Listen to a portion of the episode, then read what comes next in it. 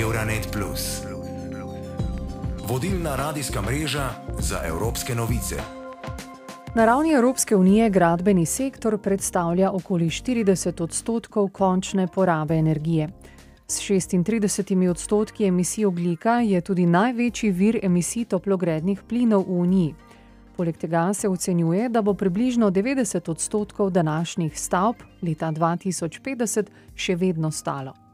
Zaradi vsega tega je prenova ključna prednostna naloga oblikovalcev evropskih politik. Brez obsežnega prenovitvenega vala po vsej Evropi bo Unija težko uresničila svoje podnebne ambicije, to je do leta 2030 za 55 odstotkov zmanjšati emisije iz svoje podnebne strategije zelenega dogovora.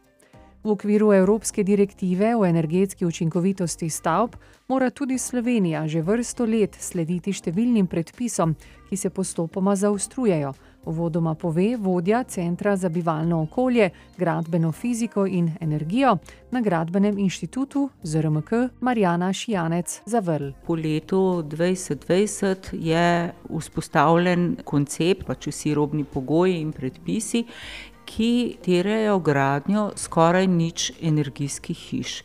To v praksi pomeni visoko energetsko učinkovitost in pa po drugi strani čim večji delež uporabe obnovljivih verov energije po možnosti proizvedenih na sami stavbi. Kar pa posledično pomeni, da nismo več samo potrošniki energije, ampak da tudi proizvajamo energijo za svoje potrebe in energijo oddajamo v omrežje. Da pa to lahko naredimo, morajo biti stavbe povezane v energetsko omrežje, tako v električno omrežje, kar danes predstavlja problem pri opremljanju stavb s fotovoltaičnimi elektrarnami, kot v toplotno infrastrukturo, kar pomeni, da stavbe oddajajo tudi odvečno na stavbi proizvedeno toploto, kar je po besedah Šijanec Zavrlove sicer manj pogosto.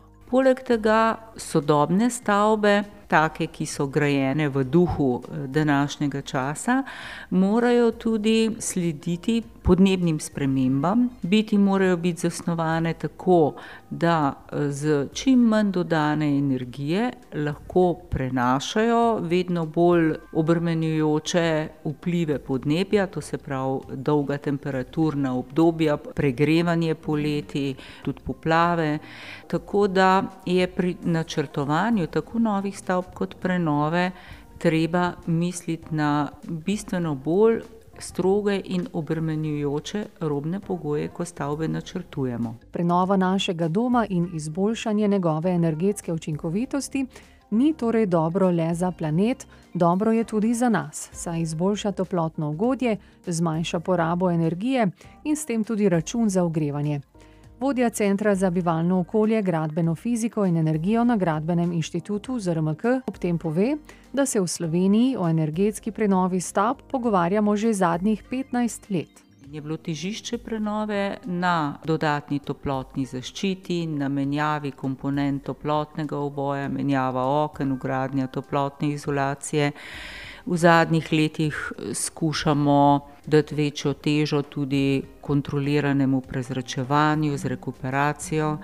To so ukrepi, ki jih dokaj neodvisno lahko izvajamo na stavbi vendar celovita, široka prenova stavbe. Tukaj, hočeš nočeš, moramo razmišljati tudi o statični ustreznosti objekta in o potresni odpornosti. Potresna sanacija ima pa neke druge zakonitosti. Tako da prenova stavb je danes bistveno več kot pa samo ugraditi dodatno toplotno izolacijsko oblogo. Interes slovencev za energetsko prenovo stavb, v katerih živijo ali morda tudi delajo, oziroma oziroma obratno, se z leti povečuje.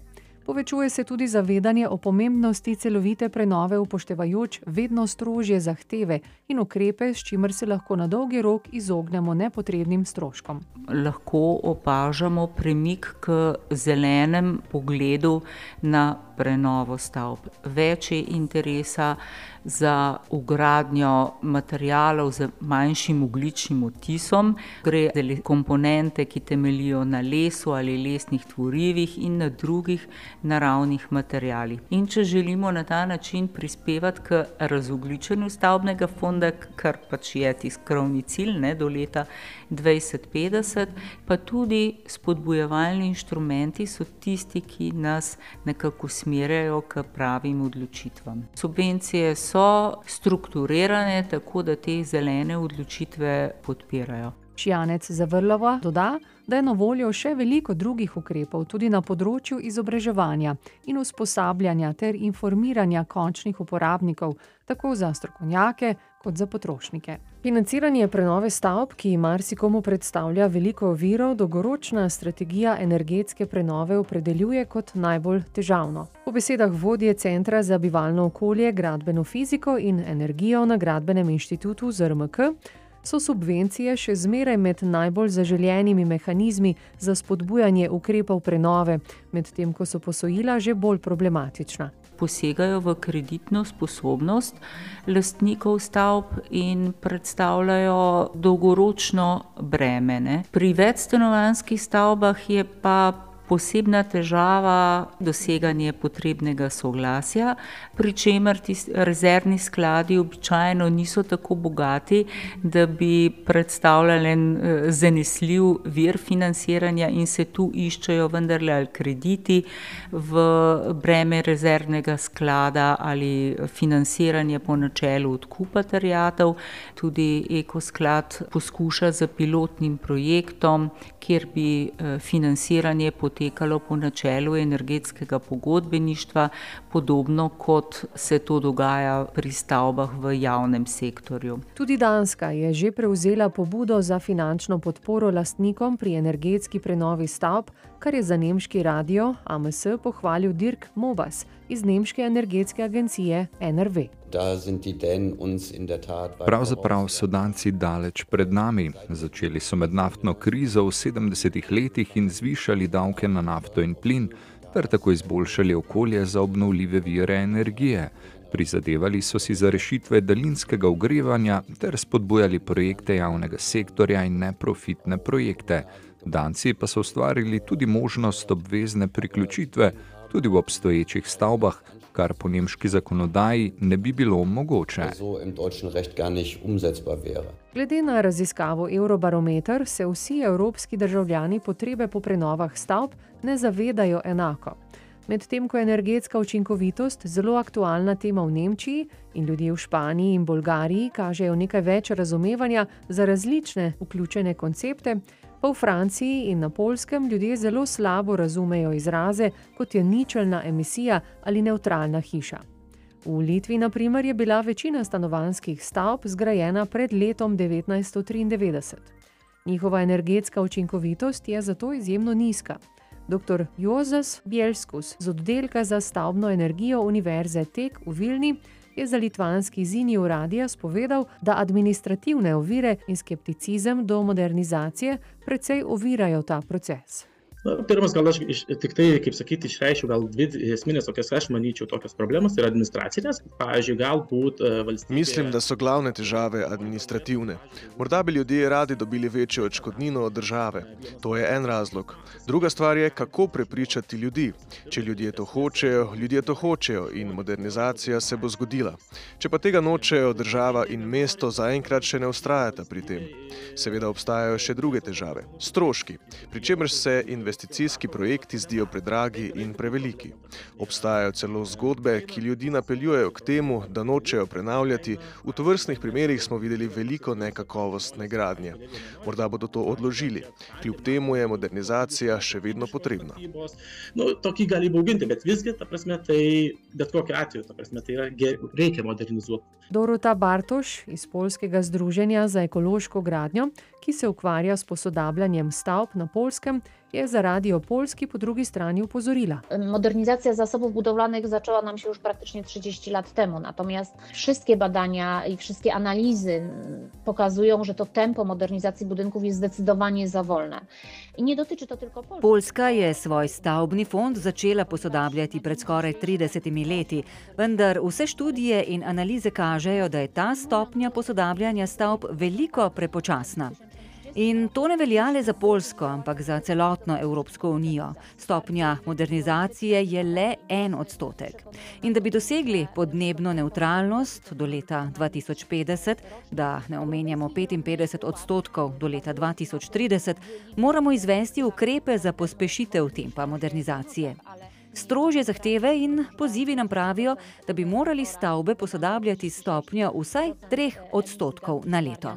To jest to wyzwanie, z którym ten sektor budownictwa powinien się zmierzyć e, w działaniach właśnie termomodernizacyjnych. Ko govorimo o doseganju podnebnih in okoljskih ciljev, ki si jih je zadala Evropska unija, je Slovenija po besedah vodje Centra za bivalno okolje, gradbeno fiziko in energijo na Gradbenem inštitutu ZRMK Marijane Šijanec Zavrl pri upoštevanju obvez Evropskega zelenega dogovora na polovici svoje poti. Naša naloga postaja zahtevnejša in verjetno tudi nekoliko dražja.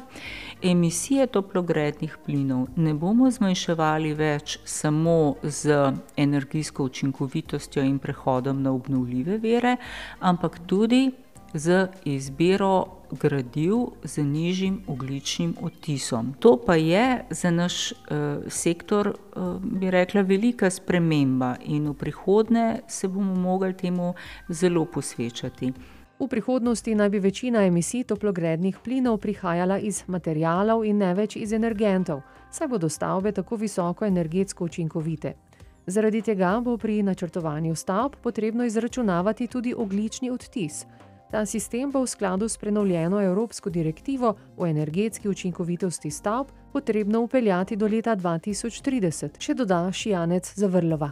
Da bomo pa to naredili, ima pa tudi Evropska komisija eno metodologijo kazalnikov trajnostne gradnje Levels.